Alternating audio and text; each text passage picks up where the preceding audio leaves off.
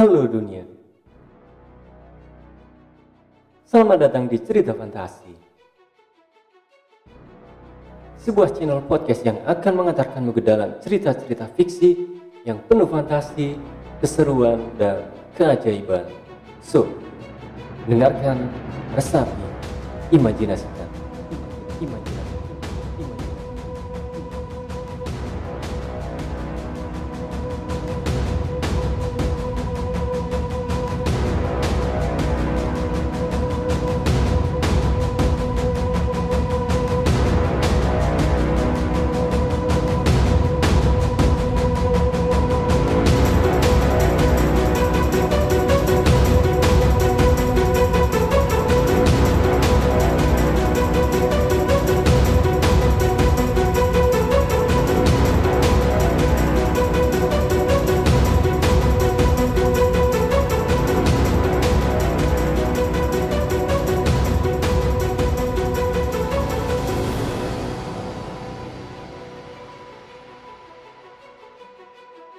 Pada episode kali ini ada cerita yang berjudul Berartikah Aku?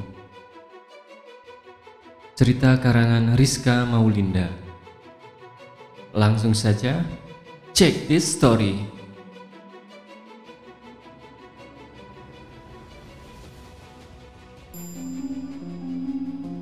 Malam ini begitu indah, namun tak seindah yang kujalani. Hanya satu hal yang kuinginkan, dan aku harap sebelum aku mati, aku bisa mewujudkan impianku itu. Vira, Vira yang mendengar teriakan mamanya segera keluar dengan setengah berlari. dari mana saja kamu Vira? Dipanggil tak menyahut, mama harus teriak baru kamu keluar. Kamu sengaja ya? Iya, Ma. Maaf. Tadi Vira lagi ngerjain tugas. Maaf ya, Ma. Vita yang mendengar ibunya marah-marah langsung keluar kamar. Dia langsung mengompori ibunya sehingga ibunya semakin marah. Kenapa lagi sih, Mah? Pasti anak ini buat ulah lagi ya. Sudah, Mah. Kasih hukuman aja. Kalau didiemin gini terus, nanti makin kurang ajar. Ampun, Ma. Ampun. Vira bener-bener gak denger tadi. Ampun. Kamu memang anak yang tak tahu terima kasih, tak tahu diuntung dasar anak sial. Ampun, Ma. Ini, Ma. Ampun. Syukurin kamu. Terus, Mah, jangan kasih ampun. Ayo Fit, kita tinggalin dia di sini dan kamu jangan keluar sampai besok pagi. Kalau kamu melanggar, hukuman kamu akan mama tambah. Ma, jangan kurus Vira, Ma. Ma, dingin, Ma. Dingin. Gelap. Vira takut, Mama. Ampun, Ma. Jangan kurung Vira. Begitulah kehidupan Vira. Hampir setiap hari ia disiksa. Padahal ia tak pernah melakukan kesalahan. Namun selalu saja dia yang salah di mata mamanya. Untungnya ia masih punya Vito, kakak laki-lakinya yang sayang padanya. Namun Vito jarang sekali di rumah. Bila ada Vito, pasti Vira selalu dibela. Jika ada Vito, ia tak akan membiarkan Vira diperlakukan kasar. Berbeda dengan Vita, kakak perempuan Vira. Vita sangat membenci Vira, sama seperti mamanya, yang entah kenapa sangat membenci dirinya. Suatu hari, timbul niat jahat mamanya ingin melenyapkan Vira untuk selama-lamanya. Esok paginya, ia melaksanakan niat itu. Tak seperti biasanya, pagi ini mamanya bersikap baik pada Vira. Seisi rumah bingung karena tak biasanya mamanya bersikap seperti ini. Dan sekarang, untuk pertama kalinya, Vira diajak jalan. Tanpa ada yang mencurigai perubahan sikap mamanya, ternyata ada maksud tersembunyi di balik itu semua. Tumben banget mama hari ini. Suasana rumah seperti ini, Vito bahagia banget mah. Tumben apa? Memangnya mama nggak boleh baik sama anak-anak mama? Mama sekarang sadar kalau selama ini mama sudah terlalu jahat pada Vira. Dan sekarang mama mau merubah semuanya. Maafin mama ya, Fir. Dan pagi itu Vira bahagia sekali. Semoga mamanya seperti ini untuk selamanya. Setelah sarapan pagi, Vira dan mamanya pergi. Mobil yang mereka tumpangi melaju dengan kencangnya.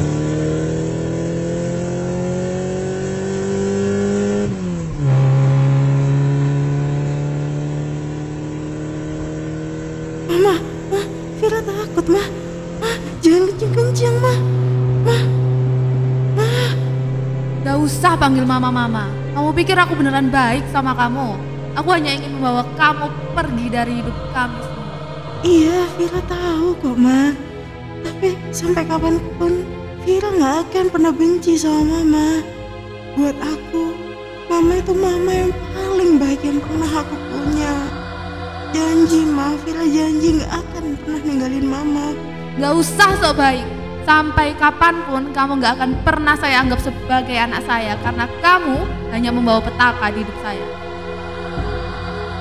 Saking kencangnya mobil itu melaju, sampai-sampai tak menyadari ada sebuah truk yang melintas.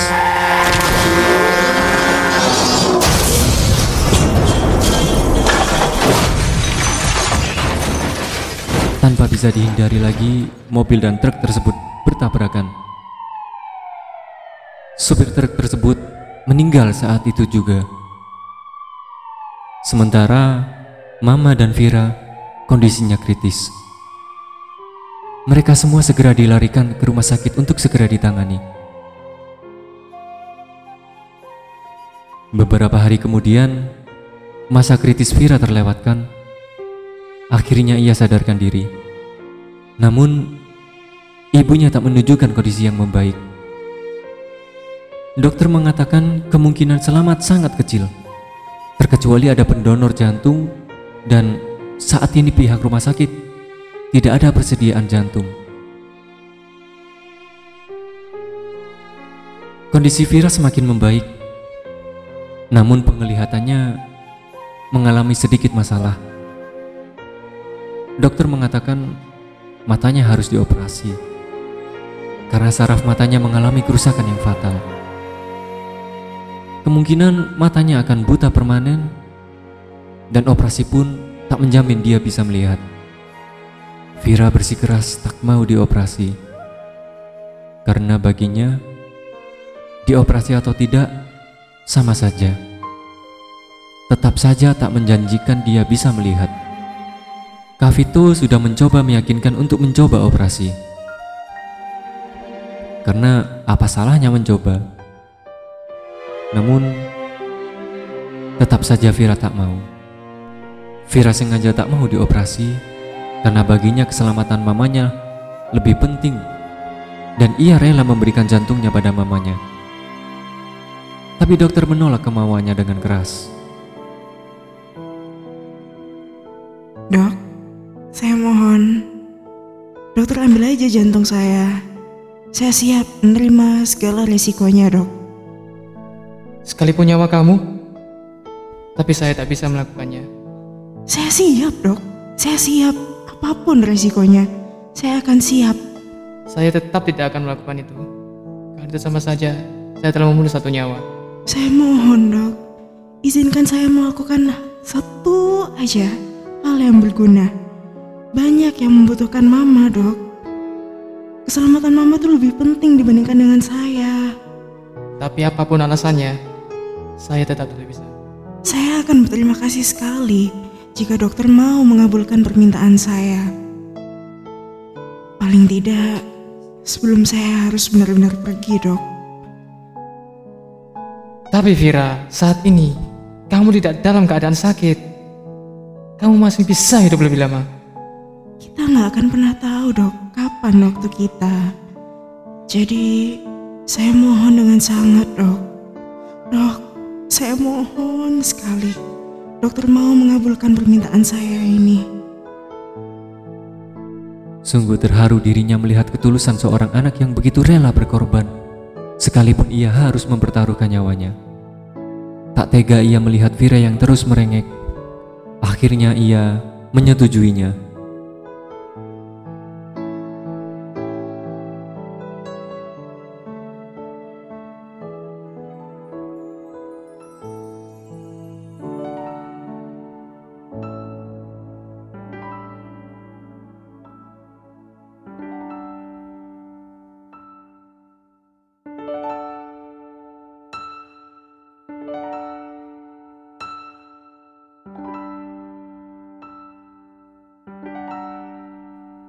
Dengan perjanjian yang hanya mereka dan Tuhan yang mengetahuinya, walau sebenarnya sangat berat bagi dokter Andi untuk benar-benar melakukan yang Vira minta.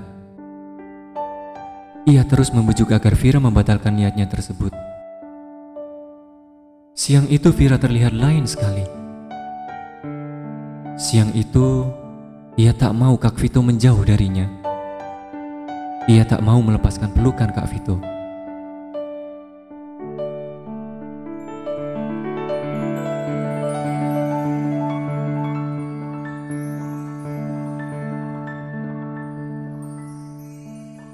Kenapa sih Vira sayang?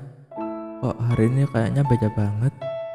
Enggak kak, kita cuma pengen dipeluk aja sama kakak. Bila takut kalau suatu saat Bila nggak bisa peluk kakak kayak gini lagi. Ngomong apa sih kamu Vir?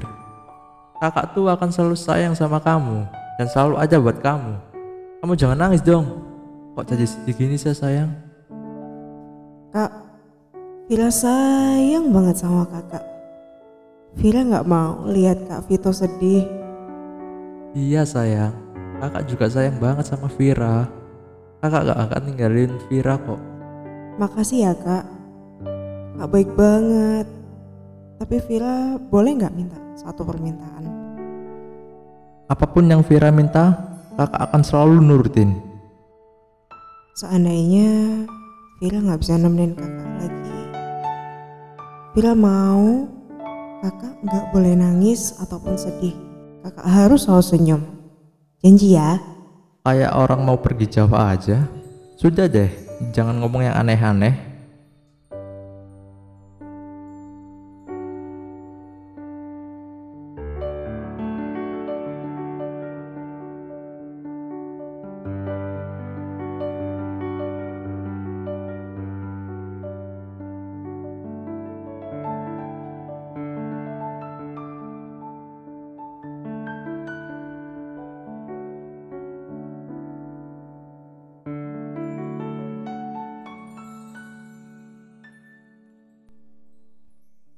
Sesaat suasana hening, tak ada yang berbicara, hanya mata dan hati mereka yang berbicara.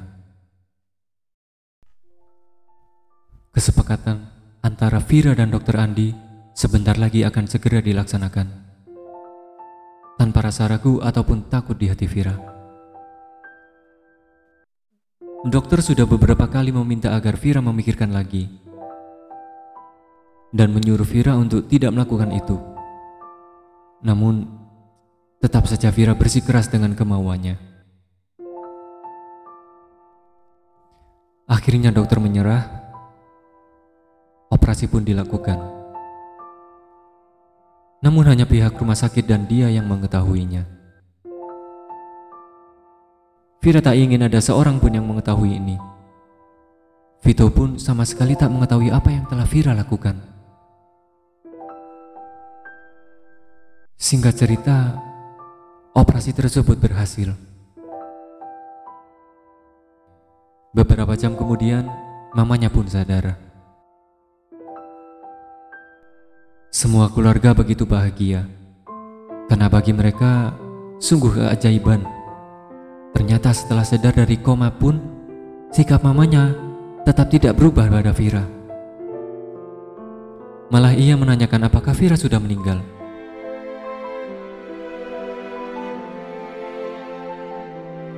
Begitu marah Vito mendengar apa yang diucapkan mamanya. Vito pun langsung berlari keluar dengan emosi. Namun langkahnya terhenti karena mendengar pembicaraan antara dokter Andi dan suster Ana. Betapa terkejutnya ia setelah mengetahui ternyata mamanya sadar berkat pengorbanan Vira. Vira rela memberikan jantungnya tanpa memikirkan nyawanya. Bahkan mungkin bisa dibilang ia rela. Ia rela mati demi seorang ibu yang sama sekali tak pernah menganggap Vira itu ada. Tak mampu ia menahan kakinya untuk tidak menemui dokter Andi untuk bertanya kebenaran yang baru saja ia dengar. Ternyata semua yang ia dengar itu benar. Dan sebelum operasi dilakukan, Vira menulis surat untuk orang-orang yang sangat ia sayangi. Karena katanya, ia sangat menyayangi keluarganya dan sangat berterima kasih pada Tuhan pernah merasakan yang namanya punya keluarga. Dan sekarang kondisi Vira dalam keadaan yang sangat buruk. Entah sampai kapan ia akan bertahan. Tanpa menunda waktu, ia langsung mendatangi Vira.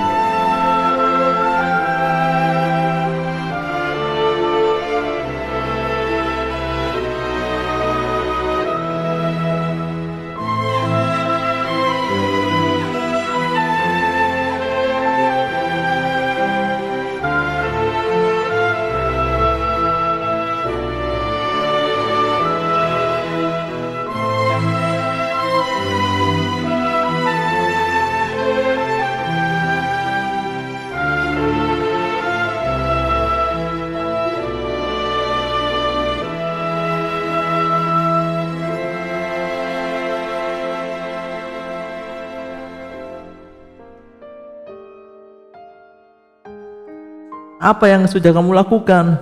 Kamu bodoh, Fir. Kamu kenapa harus berkorban seperti ini? Bangun, Fir. Kakak nggak mau kehilangan kamu. Ia terus berbicara dengan Vira tanpa ada sahutan darinya. Setelah sedikit tenang, ia membuka surat yang dokter titipkan padanya. Surat untuknya, mamanya, dan Biijah pembantunya.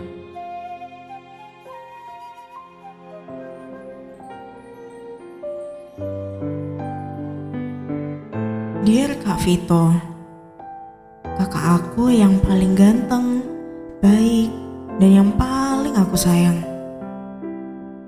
Jika kakak membaca surat ini, mungkin Vira udah gak mampu berbicara dengan kakak. Atau mungkin udah gak ada di dunia ini. Satu hal yang harus kakak tahu. Sayangku sama kakak akan selalu aku bawa bahkan sampai aku mati. Kakak jangan sedih ya. Harus selalu senyum. Kak, mungkin aku ini bodoh. Aku mohon, jangan benci sama aku ya. Maafin aku kak. Aku gak mau kakak benci sama aku. Jangan salahin mama juga. Ini bukan salah mama. Ini semua kemauan Vira. Makasih banget untuk semua yang kakak kasih. Kakak juga banyak banget ngajarin hal-hal baru untuk Vira. Jangan sedih ya kak, kakak gak boleh nangis. Vira gak mau lihat kakak sedih. Maafin Vira ya kak. Salam sayang, Vira. Butiran air mata semakin mengalir dengan derasnya tanpa bisa dibendung. Antara terharu, sedih, dan marah bercampur menjadi satu. Dibukanya surat untuk mamanya. Sangat singkat, tak seperti surat untuknya. Untuk mama. Ma, maafin Vira udah sering bikin mama kesel. Tapi Vira sayang banget sama mama. Vira bahagia banget pernah jadi bagian dalam hidup mama. Love you, Ma. Vira selalu sayang sama mama. Dibukanya lagi surat untuk pembantunya, Bi Ija. Bija, maafin Vira ya. Pergi nggak bilang-bilang. Vira sayang sama Bibi. Bi, makasih ya untuk semuanya. Bibi itu lebih dari seorang ibu bagi Vira. Maaf ya Bi, Vira sering repotin Bibi. Bibi jangan sedih ya kalau Vira nggak ada. Jangan kangen. Vira sering niat bantu Bibi malah ngerusakin semuanya. Tapi Bibi nggak pernah marah ataupun ngomong kasar seperti Mama. Andai aja Mama bisa sekali aja peluk Vira. Dan bisa kayak Bibi yang sayang sama Vira. Sekali aja. Pasti Vira akan jadi orang yang paling bahagia sedunia. Tapi Bibi selalu menguatkan hati Vira. Makasih ya Bi. Bi, Vira mau ngasih tahu satu hal. Mama mau nyelakain Vira. Tapi Vira gak akan benci kok. Seperti yang sering Bibi bilang. Suatu saat Mama akan berubah sikap. Karena kejahatan harus dilawan dengan kebaikan. Vira gadis yang kuat. Gak boleh nyerah, harus selalu senyum. Ya kan Bi? Bi, nanti Vira gak bisa bantu Bibi masak, gak bisa bantuin Bibi nyuci lagi. Dengan waktu yang Tuhan berikan ke Vira, itu lebih dari cukup Bi. Melihat keluargaku bisa tersenyum, bisa makan dengan lahapnya, itu udah bikin Vira bahagia Bi. Bibi gak boleh nangis ya. Bibi harus selalu senyum. Kan Bibi yang ngajarin. Vira sayang banget sama Bibi. Bibi gak marah kan kalau Vira anggap Bibi sebagai mama Vira. Karena menurut Vira, dari Bibi lah Vira bisa merasakan apa itu yang namanya belayan dari seorang ibu. Makasih banyak ya Bi. Vira gak bisa melakukan banyak hal untuk Bibi. I love you so much, Bi. Salam sayang, Vira.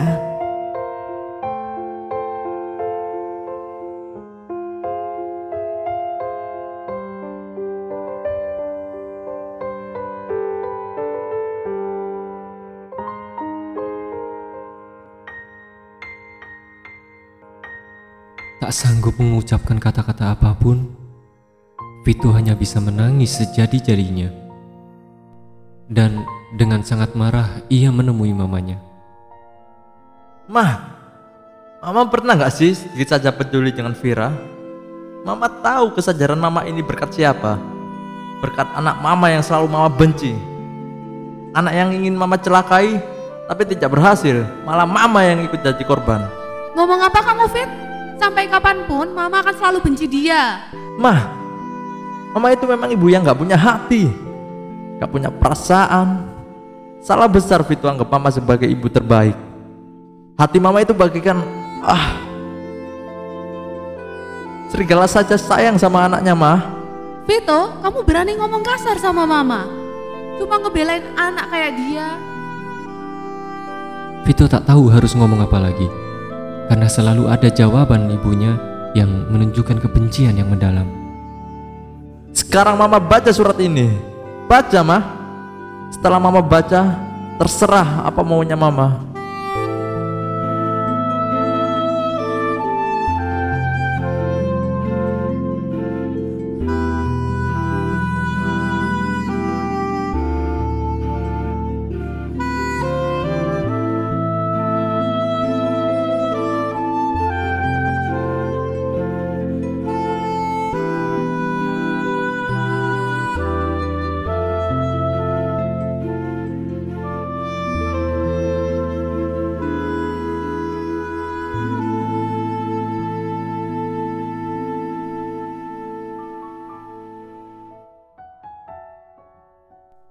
Kenapa mama diam? Kenapa nangis mah? Percuma. Apa sekarang masih bilang dia bawa sial buat mama? Sementara dia rela ngorbanin nyawanya demi mama. Apa sekarang mama masih benci sama dia? Apa sekarang? Cukup, Fit, cukup. Mama tahu mama salah. Tolong antarkan mama menemui Vira. Buat apa mah? Untuk nyakitin Vira lagi? Untuk marahin dia lagi? Mama mau minta maaf, Fit. Mama sudah terlalu banyak salah. Fit, mama mohon sebelum semua terlambat. Dengan derai tangis, mereka semua berkumpul di tempat Vira. Mamanya memeluk erat Vira, berharap Vira segera sadar. Ampuni mama, Fir. Jangan benci mama. Tolong, jangan benci mama. Vira kasih mama kesempatan mama sekali saja. Sadar, Fir. Mama sayang kamu. Kenapa kamu lakukan ini? Harusnya kamu benci mama, Fir. Bangun, sayang. Air mata Vira ikutan mengalir. Sungguh, keajaiban Vira bisa membuka matanya. Betapa bahagia semuanya melihat Vira yang sudah sadar. Dengan penuh senyum dan suara terbata-bata, Vira mengatakan, Vila sayang banget sama kalian semua. Vila juga nggak pernah benci kok sama mama. Vira, makasih ya. Kamu memang anak yang sangat baik. Maafin mama. Kamu harus sembuh ya. Makasih ya ma. Mama udah mau peluk Vira. Semua diam, hanya isakan tangis yang terdengar. Lalu Vira membuka suara, Vila ngerasa bahagia banget.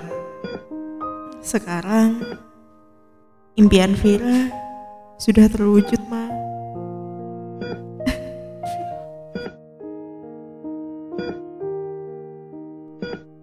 Semuanya Vila boleh nggak minta satu permintaan? Jangan ada yang nangis ya. Vila pengen lihat senyum kalian semua. Makasih ya untuk semuanya. Sekarang Vila bisa pergi dengan tenang.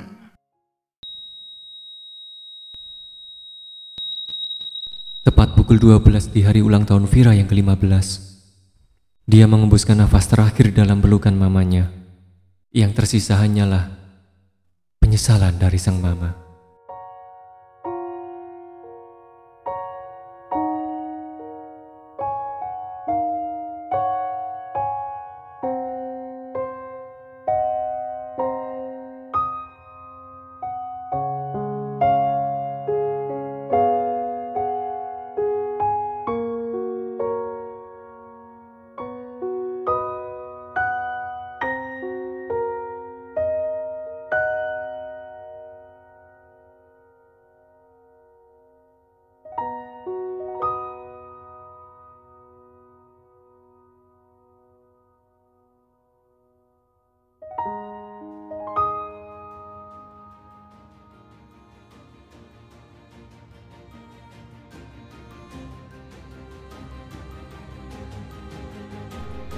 Thank you so much guys.